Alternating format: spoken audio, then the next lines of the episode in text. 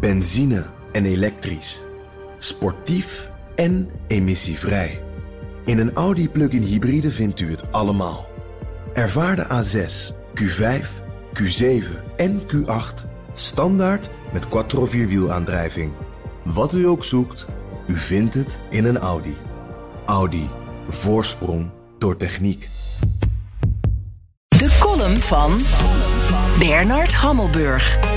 Je zou waarachtig de indruk krijgen dat Europa, of op zijn minst een deel van Europa, een beetje in de rouw is omdat het Moetie-Merkel-tijdperk voorbij is.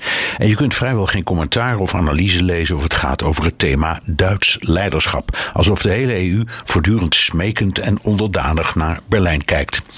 Was Moetie het toonbeeld van realpolitiek? Wat zoiets betekent als het vermijden van politieke luchtkastelen en vergezichten en handelen aan de hand van harde feiten? Of was ze kampioen kat uit de boom kijken en tot het allerlaatst wachten met het nemen van beslissingen. Ik denk het laatste.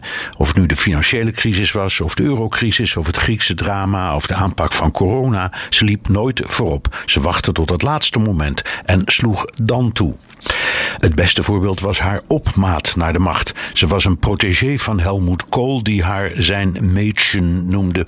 Toen Kool aan het einde van zijn lange carrière bleek financiële giften aan de partij te hebben doorgesluist naar politieke vrienden, was dat Mädchen ook degene die een mes in zijn rug stak. Met een vilijn opiniestuk in de krant stoten ze hem van de troon.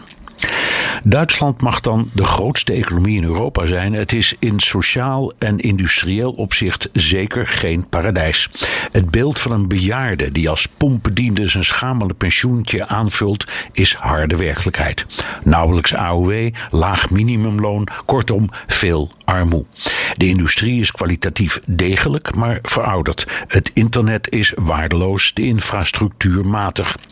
Op het gebied van innovatie en productiviteitsgroei bungelt Duitsland onderaan. Het Duitsland dat Moetie Merkel achterlaat doet denken aan de Verenigde Staten. Een gigantische economie met een gigantische kloof tussen arm en rijk. Merkel heeft de Duitse politiek en de Duitse positie in de wereld 16 jaar bijna solistisch bepaald. Dat kwam ook doordat de hele wereld, en zeker Europa, op die manier naar haar keek.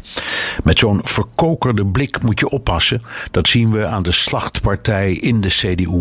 Nu moet die Merkel wegvalt. Misschien is het een goed idee tegenover haar opvolger iets minder nederig te doen.